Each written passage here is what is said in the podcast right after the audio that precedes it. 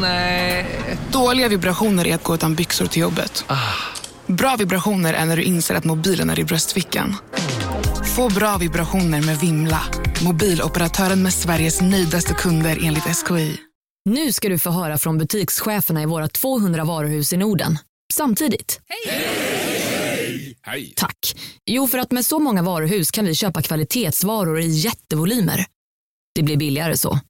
Byggmax. Var smart. Handla billigt. Kolla menyn. Vadå?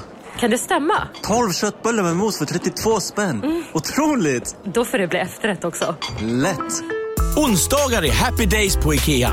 Fram till 31 maj äter du som är eller blir IKEA Family-medlem alla varmrätter till halva priset. Vi ses i restaurangen på IKEA.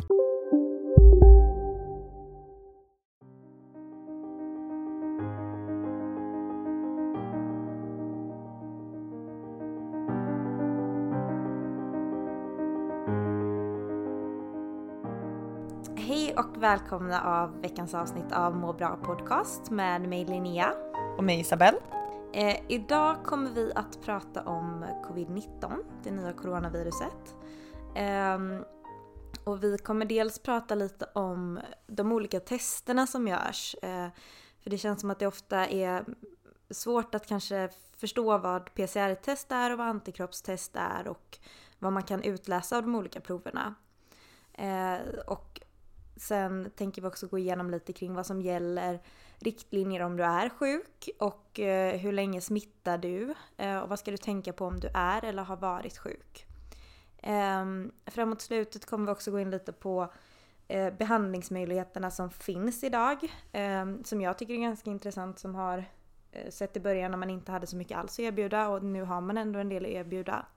Och lite vanliga missuppfattningar kring ehm, vad det är för infektion och diffa mellan liksom en lunginflammation och en coronainfektion.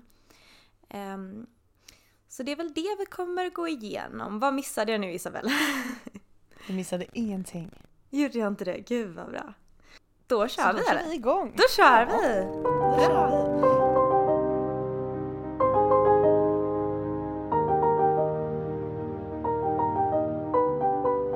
Heter det? Alltså jag, må, jag måste bara säga det.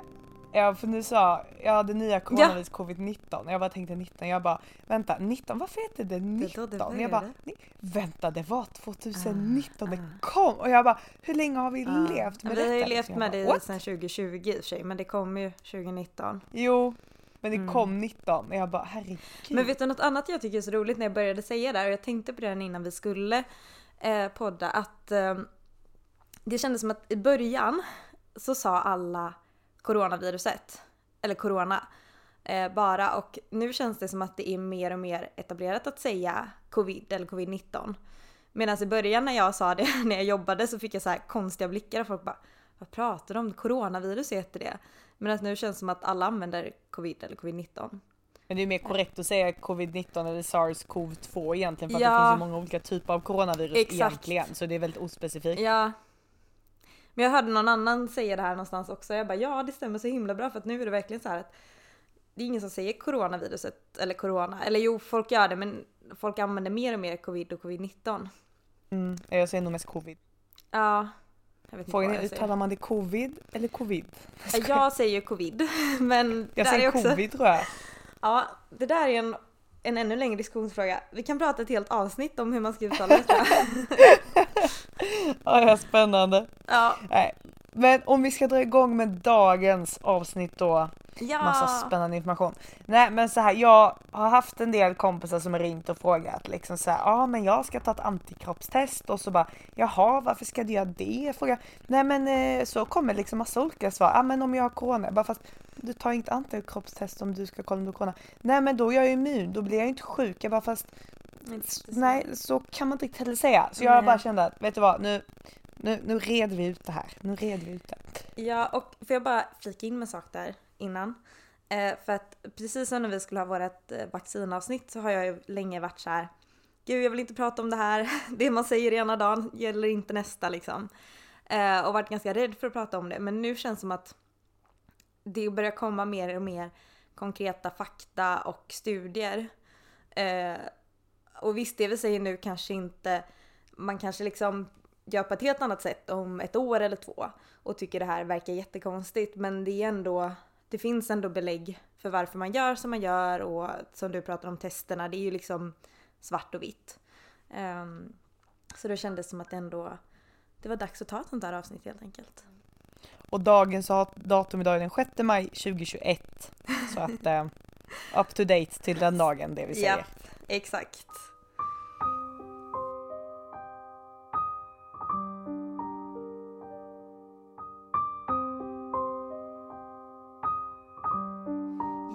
Och eh, dagens avsnitt som vi då ska prata om det är ju, som jag tänkte börja prata om, det är ju de här eh, PCR-testen som jag tror alla är välkända mm. med det här begreppet nu och jag kommer inte gå in på några tekniska och molekylär detaljrik mm. information kring mm. detta. Mm. det är jättespännande och det är jättekul att googla upp det om man vill men eh, jag tror att det är väldigt lite som ett sövningsmedel för en del människor också. men det här PCR-testet då som man pratar om det är ju det här testet som, som många vet om när man vid corona testar med liksom att man tar en pinne i näsan och i svalget och så kollar man är man sjuk. Och det enda det här testet egentligen talar om det är att det säger om du just nu är infekterad med en coronasjukdom. Om du just nu är sjuk och det är då man har dem. Ja. Det är då man liksom anses att man har infektionen. Ja, vad, vad skulle du säga? Ja, nej, eller om du just nu bär på coronavirus för den testar ju inte bara levande utan den ser ju även hittar ju även döda partiklar. Ja, precis.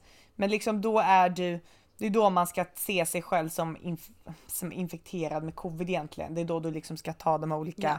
isoleringsåtgärderna liksom enligt sådana riktlinjer helt enkelt. Förutom PCR då så har vi något som kallas, för att göra allting lite mer komplicerat, antigenstest. Eh, och man skulle väl kunna säga att det, det här är du bättre på det, men man skulle säga att det fungerar som ett PCR, det vill säga att det säger om du är bärare eller har infektionen helt enkelt, men det är bara en annan metodik egentligen, kan man väl säga. Ja, precis. Jag, och jag vet inte exakt hur det fungerar, men jag vet att det har inte riktigt samma om det är sensitiviteten eller specific specificiteten som inte riktigt är densamma. För att vi använder det mer som ett screeningtest. Eh, och skulle det vara positivt så går man vidare med ett PCR-test. Och sen har vi då den här stora rodden med antikroppar, för det var det som jag förklarade lite för dig Linnea, att jag har haft en del liksom samtal och det var lite därför jag tyckte att det var bra att ha med det här i ett avsnitt för att en del kompisar så ringer liksom bara, men jag ska ta ett antikroppstest och jag bara, jaha varför ska jag göra det? Ja men eh, det är bra att se om jag har haft, eller så här om jag typ är immun eller inte. Jag bara, fast du kan inte säga att du är immun och inte får det igen. Nej men då kan jag ju leva lite annorlunda. Nej, nej, det är, nej. det är inte riktigt så det fungerar typ. Eh, och vissa kanske bara, men jag ska se om jag har corona och det är absolut inte Nej. det det säger heller. Vad säger eh, det då? Så för att definiera, när, ja, vad säger det? Vad säger det? Jo, antikroppar är någonting man kollar för att man, okej okay, vad är antikroppar? Antikroppar är ett svar du får av kroppens egna immunsystem efter att ha haft mm. en infektion, exempelvis vid corona. Så det som händer är att har du ett positivt antikroppssvar så betyder det att du har haft en genomgång infektion, av detta fallet då, om man kollar specifikt för corona, att du har haft corona för ett tag sedan, några mm. veckor sedan oftast. Eh, och och då, det är då man kollar antikroppar, då, då betyder det att du har haft infektionen, inte att du har den nu, eller det vet man inte, men det, det säger ingenting om du har det nu eller inte, bara mm. att du har haft det. Eh, och detta är ju egentligen kroppens sätt att när vi utsätts för en ny typ av sjukdom så skapar kroppen ett vad ska man säga, ett minne kring den här mm. infektionen. Att man skapar ett immunförsvar som kommer ihåg den här infektionen. Så nästa gång du får ett nytt likadant virus av corona, då kommer den här kroppen att kunna reagera på det mycket Precis. snabbare än vad det kunnat göra innan det hade sett det.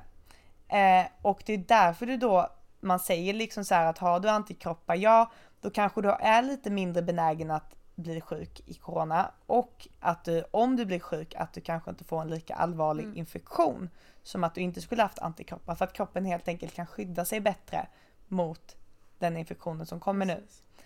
Eh, men vad betyder detta egentligen i praktiken då? Kommer jag aldrig kunna få corona? Det vet vi inte. Eh, precis, så vad betyder detta i praktiken då? Kommer jag aldrig kunna få corona igen? detta är väl, väl svårt att säga och detta är då information från, eh, från World Health Organization, WHO, eh, där de egentligen menar att eh, man gör, gör mycket studier nu liksom för att bättre kunna förstå antikropparna och deras respons efter infektionen.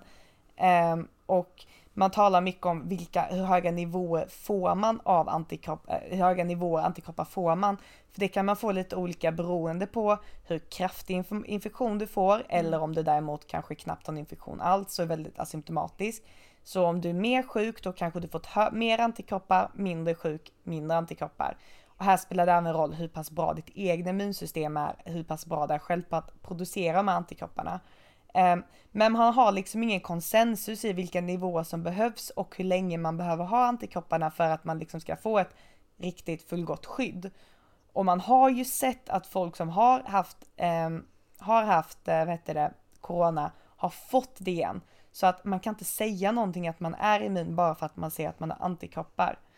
Så i praktiken betyder ju detta liksom att oavsett om du har antikroppar eller inte så kommer du fortfarande behöva följa de riktlinjerna mm. som finns som gäller alla människor.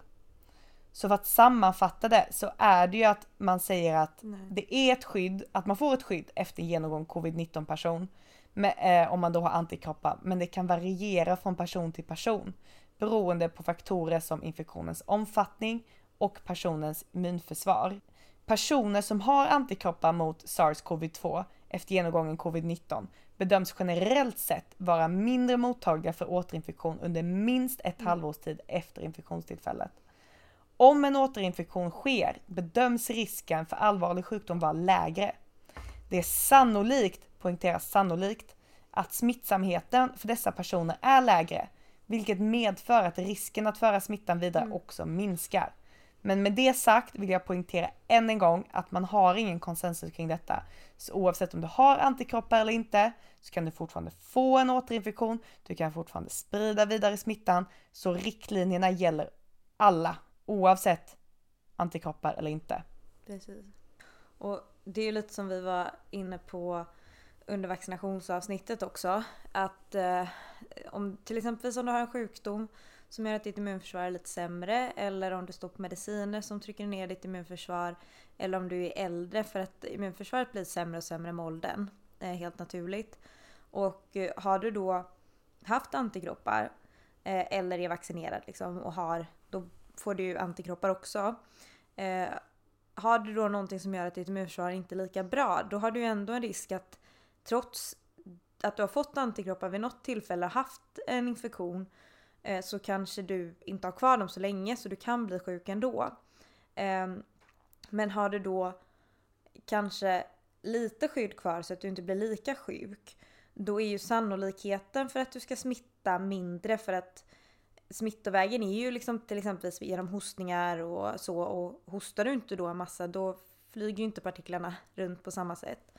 Ehm, men precis som du säger så är det ju jätteviktigt att man, man ska följa riktlinjerna oavsett om man har antikroppar eller oavsett om man är vaccinerad. Har man symptom så ska man betrakta sig själv eh, som att man kan vara smittsam. Även om det kanske är mer sannolikt att det är en vanlig, eh, vanlig förkylning istället. Så det är liksom lite som vi poängterar här att det, det finns inte så mycket konsensus så oavsett följ riktlinjerna egentligen. Det är väl lite det vi kommer fram till här. Ja, och det är ju för att även om ja, det här, den här pandemin har pågått i liksom ett drygt år nu sedan det klassades som en pandemi. Men det är ju fortfarande relativt nytt ändå. Alltså ett år är inte jättelång tid. Um, för en ettåring är Man har inte hunnit titta på hur länge. Ja, för en ettåring är det jättelång tid. Då är det en hel livstid. Mm. Men um, man har ju liksom inte hunnit följa det så himla länge så därför vet man ju inte så mycket Nej. mer idag. Nej, precis. Och sen vet man väl inte riktigt hur det kommer vara med de här. Det kommer ju ständigt nya mutationer. Mm. Det, det, det, ska vi inte prata om det här avsnittet. Vi ska vara positiva. Det lämnar vi. Ja, ja. Men riktlinjer har vi nämnt mycket här och vad är riktlinjerna? Ja. Det har jag också fått en del frågor om och det, mm. det är ju lite det, det, är väldigt lätt att hitta riktlinjerna men grejen är att mm. det var ju lite som du sa Linnea att generella riktlinjer som gäller hela Sverige mm. är ju då att om du är sjuk så ska du stanna hemma. Alltså om du har ett positivt covid så ska du stanna hemma i minst en vecka från det att du får symptomdebut, alltså första dagen mm. du har symptom. Eh, och då ska du ha varit feberfri i över två dygn och du ska liksom vara allmänt bättre för att bedömas som symptomfri. Så att Mm. du ska stämma minst en vecka men du ska även ha varit feberfri i två dygn och liksom må Mm. bra generellt. Ehm, men sen så lite så här, när ska man gå och testa? Upptäck hyllade XPeng G9 och P7 hos Bilia. Våra produktspecialister hjälper dig att hitta rätt modell för just dig. Boka din provkörning på bilia.se xpeng redan idag. Välkommen till Bilia, din specialist på XPeng. Om en sous på väg till dig för att du hörde en kollega prata om det och du råkade ljuga om att du också hade en och att den var så himla bra att maten blev så otroligt god och innan du visste ordet av hade du bjudit hem kollegan på middag nästa helg för att du sålt in din lågtempererade stek så bra att du var tvungen att beställa en på nätet fort som attan. Och ja! Då finns det i alla fall flera smarta sätt att beställa hem din sous vide på. Som till våra paketboxar, placerade på en plats nära dig och tillgängliga dygnet runt. Hälsningar Postnord. Hej, Susanne Axel här. När du gör som jag och listar dig på en av Krys vårdcentraler får du en fast läkarkontakt som kan din sjukdomshistoria. Du får träffa erfarna specialister, tillgång till lättakuten och så kan du chatta med vårdpersonalen. Så gör ditt viktigaste val idag, lista dig hos Kry. sig och så här och på vilka indikationer och så vidare. Det, det är lite mer regionella riktlinjer. Eh, Det fick Och jag lära de- mig idag. Jag trodde det var allmänt nationella riktlinjer Ja. kring allt. Men Nej precis. Så det man kan göra då det är att man går in på 1177.se och då covid-området. Och då så klickar man på vilken region man bor i, typ Västra Götaland och där kan man läsa mer detaljerad information. Och det är väldigt lätt och pedagogiskt. Så ehm, och finns på jättemånga olika språk också. Ja, och det är Mm. jättebra. Mm. När vi pratar om samhällsmedicin och vi pratar om liksom tillgänglighet. Så Mm. att, eh, mm, snyggt. Precis, så att eh, vet man någon som kanske har svårt att ta till sig informationen så kan man tipsa om att det finns eh, på många språk.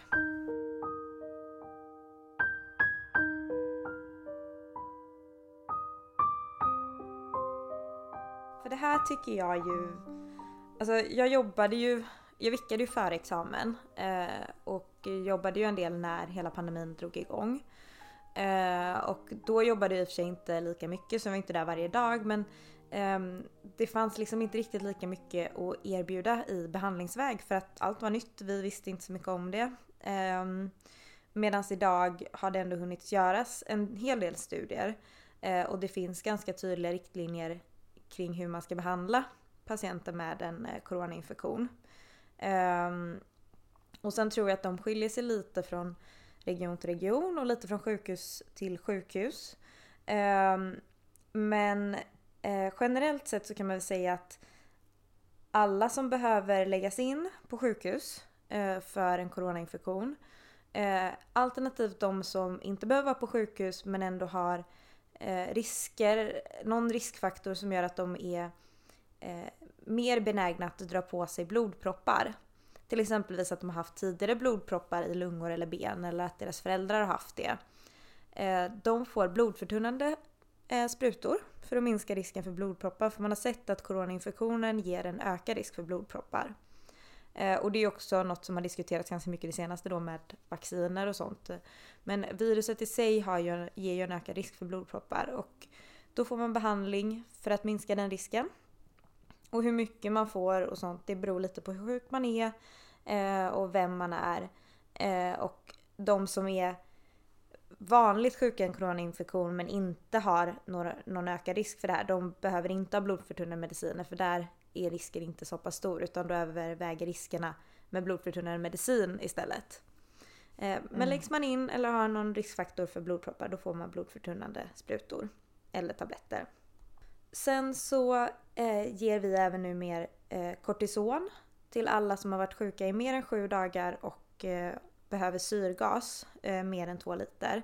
Så det är alltså inget man får behandling för, eller med om man är hemma i sin coronainfektion men är man så pass sjuk att man behöver ligga på sjukhus och behöver syrgas ehm, och har varit sjuk i mer än sju dagar eh, då får man kortison. Eh, och det finns det studier som har visat att det leder till en minskad dödlighet i coronavirus. Och, eh, Ska jag berätta då att kortison ger man för att minska inflammationen då i lungan framförallt. Precis. För att det är det som blir mycket problem. Och det tänkte jag också komma in på för att man ger det då efter dag sju. För man har sett i den här studien att ger man det innan dag sju, då är det risk att man istället blir sjukare. Eller att det inte har någon Mm, effekt. För att man får för lite inflammation Exakt, kanske. alltså då har, trycker man ner immunförsvaret i början men är du så pass sjuk där dag sju då har ditt immunförsvar Mm. inte riktigt kunnat hänga med och då behöver du hjälp att trycka ner inflammationen. Jag kan ju bara specificera det lite för man pratar ju mycket om infektion och inflammation. Ja, jättebra. Och infektionen, där kan man tänka att det är själva viruset som gör skada på kroppen. Mm. Inflammationen är kroppens svar på infektionen, alltså virusets skada. Och det behövs ju för att kroppen ska kunna läka och liksom det är därför man får feber och man liksom eh, det är kroppen, så kroppen skyddar sig men det finns ju också när det kan bli för mycket inflammation. Och det är väl lite det man kan se här i lungorna då, du säger liksom att ja men innan sju dagar då vill man inte ge kortison för att då vill man ha den här inflammationen för att kroppen ska skydda sig mot viruset. Men sen så efter då sju dagar i dessa fallen låter det som att här blir inflammationen i lungorna för stor och då blir det farligt och då vill man istället dämpa inflammationen Precis. i lungorna. Precis. Lite konstigt med egentligen liksom mer behandling nästan i corona för kroppens egna försvar än själva viruset. Ja, Vi har ju inte så mycket mot viruset så det är väl lite därför Ja. också men spännande. Ja Mm. för sen så finns det ju också, det tänkte jag bara nämna kort, men det finns ju lite mediciner och jag vet att det är massa andra på gång som är olika faser och sånt. Men eh, det finns ju något som heter Remdesivir eh, som ändå används en del. Det är också lite olika från region till region och från sjukhus till sjukhus. Eh, men det ges istället tidigt i förloppet för det hämmar liksom virusets eh, uppbyggnad och liksom eh, fortplantning. Eh, Så då vill du komma in tidigt i sjukdomen så det ger man fram till dag sju. Eh, Men det visar ingen Precis. egentlig effekt på dödligheten. Men däremot så förkortar det sjukhusvistelsen något. Så har du inga liksom risker, om du har bra njur och leverfunktion ehm, så kan man ge det. Men det har inte någon jättebra Precis. effekt. eh, Men det har ganska lite skador liksom. Men det vet jag också och att det, alla gör så olika. Detta är då ett, ja, och detta är då ett antiviralt, Ja. det vill säga att det är mot viruset, Exakt. infektionen då liksom helt enkelt. Eh, Men det, det finns ändå lite att erbjuda till de som är så pass sjuka att de måste vara på sjukhus. Eh, Även om det liksom inte är...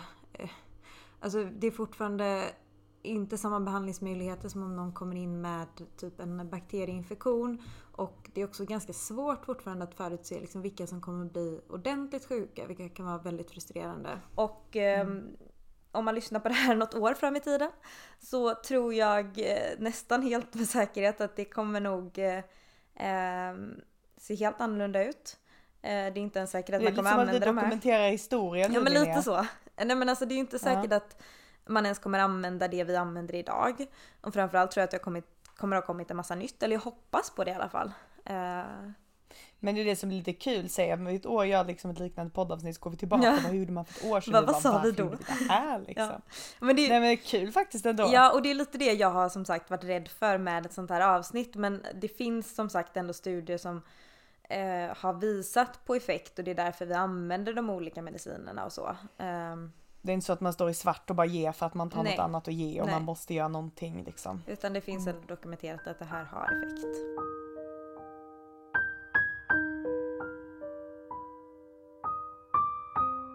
Och sen tänkte jag gå vidare på lite mer eh, också kring behandling eh, vad gäller kanske lite missuppfattningar som jag känner att jag ofta stöter på när jag jobbar. Eh, för det är ganska många som eh, in, alltså det är många som kommer till akuten som inte behöver läggas in. Eh, de kanske är ganska dåliga i sin corona men inte så dåliga att de behöver vara på sjukhus precis som om man är sjuk i en influensa. Ehm, alla som har haft en influensainfektion eh, vet hur dåligt man mår. Man känner sig helt slutkörd. Men man behöver kanske inte vara på sjukhus för det. Eh, och många av dem kommer ju kanske ändå till akuten och så ser man i prover att allt ser ändå, liksom, allt ser ändå bra ut. Man ser att du har en infektion men eh, du mår tillräckligt bra för att kunna klara det hemma. Eh, men då är det ju många som frågar så här, men tänk om jag har en lunginflammation då? Eh, och det känner jag är en ganska vanlig missuppfattning för att det, coronaviruset är ju en lunginflammation. Eh, sen så får alla mer eller mindre liksom lung, alltså besvär med andning och hosta och sånt där. Men det är ju en lunginflammation men den är orsakad av ett virus. Mm. Och då har vi ingen behandling att erbjuda om det är så pass att man klarar sig hemma. För som jag sa förut, den behandling som finns det är om man behöver syrgas. Ehm, så att då, då liksom hjälper inte det att skicka med någon den medicinen hem. Eh, och många kanske är oroliga för att det ska va- finnas alltså en vanlig lunginflammation med bakterier också. Och det finns ju vissa som får det. Men det, då tar man ju prover och tittar på, ser det här ut som att det finns nå, eh, några bakterier i det hela eller inte? För att eh, man kan få förhöjda såna här snabbsänka CRP. Den kan vara ganska hög vid en coronainfektion. Eh, men till exempelvis vita blodceller brukar inte vara så höga. Så man kan liksom titta lite på hur det ser ut och därifrån se då, finns det något, några bakterier i det här också eller inte? Mm. Och det är därför som du, jag ser att du tänkte prata lite om det, men liksom man kanske tänker varför får man inte antibiotika? Mm. Men vi pratade om antivirala läkemedel innan. Antivirala, antivirus, antibiotika, antibakterier. Precis. Detta är, corona är ingen, är ingen lunginflammation som orsakad av bakterier och därför funkar inte antibiotika. Nej, exakt.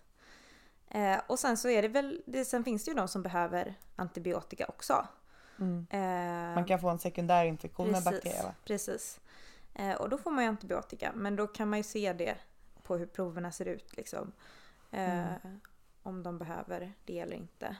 Precis. Eh, och sen en annan vanlig fråga som jag ganska ofta får som också rör det här med liksom lunginflammation. Det är att eh, man vill göra en röntgen på lungorna för att se om man har en lunginflammation. Och när det kommer till coronainfektionen så får man ganska uttalade förändringar ofta på lungorna. Eh, som är ganska eh, typiska för en coronainfektion. Eh, det kan ses vid andra tillstånd också, till exempel om man har lite vätska på lungorna och sånt. Då kan det se ut på ett liknande sätt. Eh, men det ser annorlunda ut än om man har en bakteriell infektion. Däremot så är de ofta ganska uttalade de här förändringarna så att man kan inte alltid se om det ser ut som att det kanske skulle finnas något bakteriellt där också utan man får mer följa, titta på labb och titta på patienten och hur insjuknandet har gått till och så för att kunna säga om det verkar finnas några bakterier eller inte. Och Mm. det är ju också, alltså med en röntgen, det är ju strålning och det finns ju alltid risker med strålning så att man vill ju inte stråla någon om det inte finns en anledning till det. Så att eh, om man inte har någon, alltså vi använder ibland skiktröntgen till exempelvis för att titta på om det kanske finns en coronainfektion ändå för att de här PCR-testen är inte 100% säkra. Eh, Man kan vara negativ i PCR men ändå ha en coronainfektion. Eh, Så då kan man ibland göra en skiktröntgen av lungorna för att se om det finns förändringar som ser ut vid en coronainfektion. Mm. Men att använda det ehm, om man redan har en konstaterad coronainfektion för att se om det finns eh, en liksom, bakterielunginflammation. Det, finns, det har inget liksom, riktigt värde för att det kommer man inte kunna säga ändå. Det var väl typ de jag tänkte att jag skulle ta upp som jag känner att jag får frågor om ganska ofta. Jättebra. Det är sådana grejer som eh, ibland kan vara väldigt självklart för de inom vården men som inte alls är självklart för den som inte... Nej och framförallt jag har också märkt det alltså för oss som har, alltså för nu har jag jobbat på medicin eh, mer eller mindre Mm. sen som sagt sen pandemin drog igång. Eh, så jag har ju sett väldigt många patienter med en coronainfektion. För de som jobbar inom andra Mm. områden i vården som kanske inte har sett så mycket av det, då är det inte självklart för dem Nej. heller. Det är nytt för alla egentligen.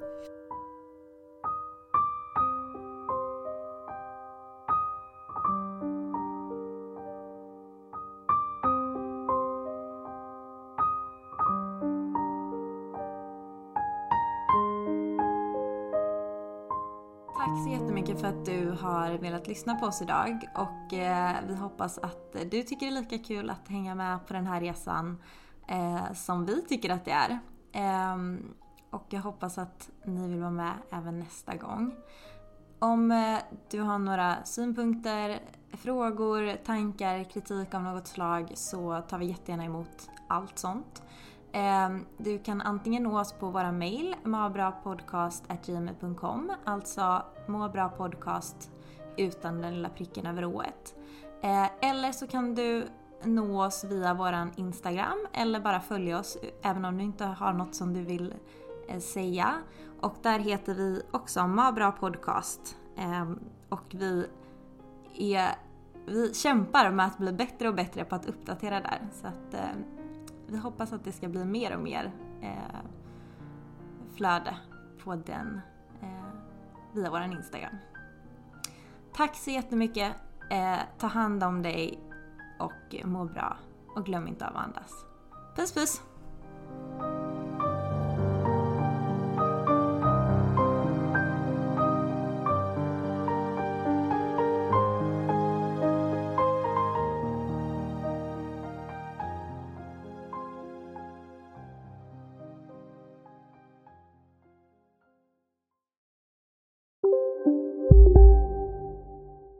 Ja, Hallå? Pizzeria Grandiosa? Jag vill ha en Grandiosa capriciosa och en pepperoni. haha, något mer? Med kaffefilter. Ja, Okej, ses samma. Grandiosa, hela Sveriges hempizza. Den med mycket på. Välkommen till Unionen. Jo, jag undrar hur många semesterdagar jag har som projektanställd och vad gör jag om jag inte får något semestertillägg? Påverkar det inkomstförsäkringen? För jag har blivit varslad, till skillnad från min kollega som ofta kör teknik på möten och dessutom har högre lön trots samma tjänst. Vad gör jag nu? Okej, vi tar det från början. Jobbigt på jobbet. Som medlem i Unionen kan du alltid prata med våra rådgivare. Dagens vinnarprognos från Postkodlotteriet. Postnummer 65209, klart till halvklart och chans till vinst. 41101, avtagande dimma med vinstmöjlighet i sikte. Övriga 10 500 postnummer, soligt och möjlighet att vinna. Oavsett när sommaren kommer till dig så kan du och dina grannar få dela på 48 miljoner i sommaryran. Ta chansen nu i maj på Postkodlotteriet.se. Åldersgräns 18 år. Kontakta stödlinjen om du eller någon anhörig spelar för mycket.